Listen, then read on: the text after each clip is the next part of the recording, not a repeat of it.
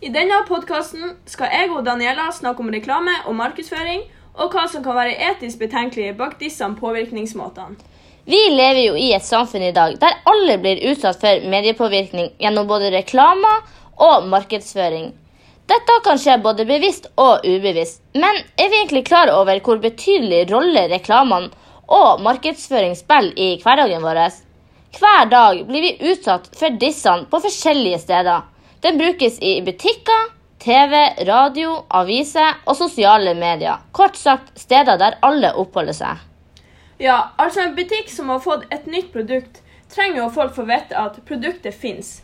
Da kan de sette i gang en reklame som videre markedsfører på sosiale medier, TV, plakater osv. for å få oss til å bli påvirka, og som videre vil handle dette produktet. Jo mer tiltrekkende en salgsplakat er, jo enklere er det jo å få oppmerksomheten din. Ja, de spiller også gjerne på de retoriske virkemidlene for å trekke folket.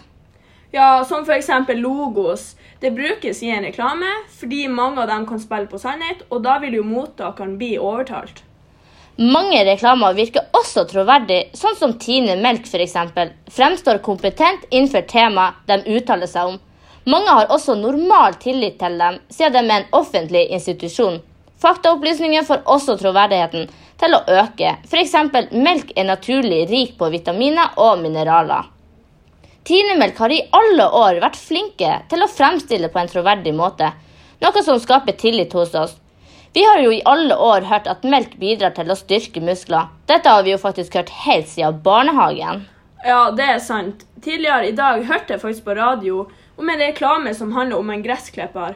De sa 'Vil du ha en fin plen i sommer?' Ja, så kom innom og kjøp verdens beste gressklipper til kun 299. Her er det åpenlyst at de bruker patos, dette fordi at de tar utgangspunktet i tilhørerne sine følelser for å over, overbevise om at dette er det beste produktet på markedet. Og med å bruke personlige pronomen som du, vil de også treffe følelsene til mottakeren. ja, bra du ikke lot deg lure av påvirkninga. Ja, du vet nå meg, Daniela. ja, for hver dag som går, så blir det jo vanskeligere og vanskeligere å unngå reklamer. F.eks. går vi en tur på butikken, møter vi jo på plakat på plakat. Dette skjønner vi vil komme og er bevisst på i forveien. Men på den andre sida blir enkelte utsatt for, eh, for forbrukerpress. Men du, det samme gjelder jo også reklame og markedsføring på TV. Når vi ser et TV-program, vil det alltid være pause, og i, den, og i den forstand vil det jo dukke opp reklame. Vi er jo bevisst på at dette kommer, men samtidig, samtidig lar vi oss påvirke. Og en annen ting. Eh, visste du at reklame og markedsføring også kan være skadelig for miljøet? Folk vil i mange tilfeller kjøpe det de ikke trenger. Det bidrar til å skape et forbrukersamfunn. Folk kjøper for så å kaste. Et eksempel er alle eh, salgsplakater i butikker som 'kjøp tre, betal for to', eller 'to bukser til eh, kun 299'. Kanskje vil det lønne seg å kjøpe ett dyrt plagg for å bruke flere eh, ganger enn å kjøpe ett eller flere billige plagg for å bruke kanskje bare én gang. Ja, det er sant. Men det som kan være positivt med, med, at reklamen påvirker oss, er at den opplyser og oppdaterer oss om nye produkter som kommer på markedet, og som kan være behjelpelig. Hmm, ja, ja eksempel meg. Jeg hadde eksem som plaga meg. Det dukka opp en reseptfri krem som skulle hjelpe meg, og dermed ble jeg påvirka. Jeg dro og kjøpte produktet, og vet du hva, Daniela? Den hjalp meg. Og reklamen hjalp meg også økonomisk. Men du, du må være litt forsiktig det er ikke alle reklamer som er like troverdige. Reklamer er dum også. Den gir ikke oss alltid nyttige opplysninger, og den kan også skape kunstige behov. Ja, sånn som hun mamma. En dag så hun en jumpsuit på ei fin og ei slank dame. Hun kjøpte den, fikk den, og passa den ikke like fin som dama på TV. Lignende reklamer dukket opp, men likevel lot hun, hun lure. Lot hun, lot hun det lure. Ikke bare én gang, men flere ganger. Dette er jo en påvirk påvirkning hun er bevisst på, men eh, dessverre, blir vi jo også påvirka ubevisst. Eh, når jeg tenker meg om, blir vi jo påvirka ubevisst veldig ofte, faktisk. Sånn som du nå, Daniela. Uh, unnskyld for å si det, du har jo Vippe-extensions. Du har jo en reklame på øynene dine, på en måte, og jeg blir jo påvirka og vil ta det. Nei, hysj. Nei da, men det tror jeg egentlig gjelder alle som er omringa i lag. Har noen f.eks. en Gymshark-tight som jeg liker veldig godt, er det enklere for meg å klikke meg inn på nettsida og kjøpe den samme tightsen. Da blir jo jeg påvirka uten at jeg egentlig er helt klar over det sjøl der og da. Men du, vi kan jo også uh, nevne influensere, som også kalles de levende plakatene eller opinionsledere. De har faktisk så stor påvirkning på sitt publikum, noe som har videreført til at mange selskaper vil markedsføre produktene sine gjennom dem, for å nå publikummet mest mulig. Dette det kan jo ses på som tostegshypotesen. Ja, du sier noe der, men hva er det som egentlig gjør at eh, de har så stor påvirkning på oss? Jo, nå skal du høre. En av årsakene kan jo være at vi får et personlig forhold til en opinionsleder, som f.eks. Sofie Elise. Hun deler jo mye av sitt personlige forhold, som bl.a. depresjon, som gjør at vi får sympati for henne. Men på den andre sida så bruker hun viral markedsføring, der hun promoterer og reklamerer for å få bort strekmerker med bioil, f.eks.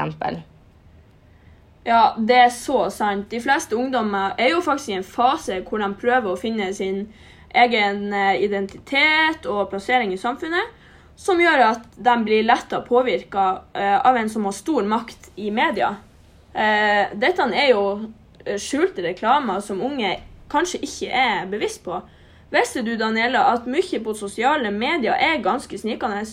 Det kommer hele tida input uten at er eh, uten at vi kanskje er klar over det. Og man tenker kanskje ikke at det er en reklame. Eh, og skal du høre en sjuk ting jeg leste på VG, som også kan treffe ungdommer Ja, fortell. Og Kylie Jenner tjente faktisk hele hva det var, 8,2 millioner på et Instagram-bilde der hun hadde sponsa klær.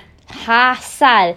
Det er jo faktisk sjukt mye. Ja, Det er faktisk skremmende for ungdommer, da de helst vil gå i samme klær som forbildene sine, selvfølgelig. Med andre ord så finnes det utallige skjulte reklamer overalt, spesielt på Instagram og andre slike plattformer. Men Daniela, kan dette være etisk betenkning?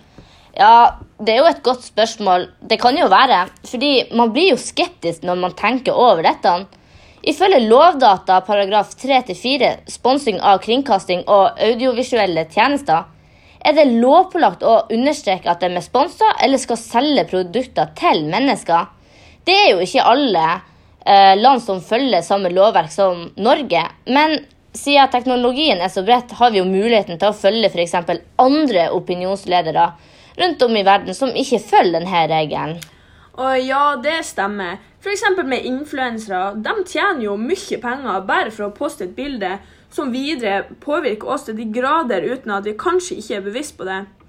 Det er kanskje i mange tilfeller ikke et produkt som er fungerende, og det er ikke fair at de skal få millioner for å poste et produkt de kanskje ikke har prøvd sjøl og vet hvordan det fungerer. F.eks. en influencer som ser ut som en en eh, fotomodell og legger ut et bilde av den tynne, fine kroppen sin sammen med et slankeprodukt, og kan skrive Wow, se hvor mye jeg har gått ned i vekt bare av å spise dette produktet. Er dette egentlig etisk rett? Eh, det kan jo føre til at følgerne til forbildene sine slutter å ha et normalt kosthold, og at eh, ja, helsa kan bli dårligere.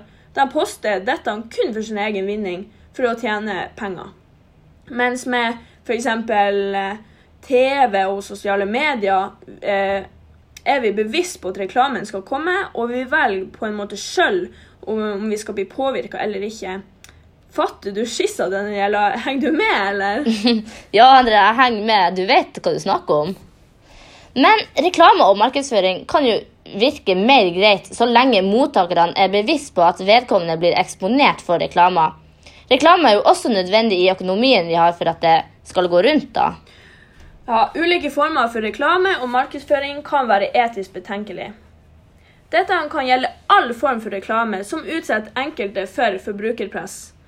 Kanskje vi alle burde bli litt mer kildekritiske? Nei, men Daniela er, er vi ikke enige om at bevisste reklamer og markedsføring er mye mer fair, mens ubevisste er mindre fair? Sånn som når vi er på butikker. Da er vi obs på at reklamen er der, mens f.eks. på sosiale medier tenker vi kanskje ikke over at vi blir påvirka på samme måte fordi reklamen sniker seg mer inn. Ja, så absolutt.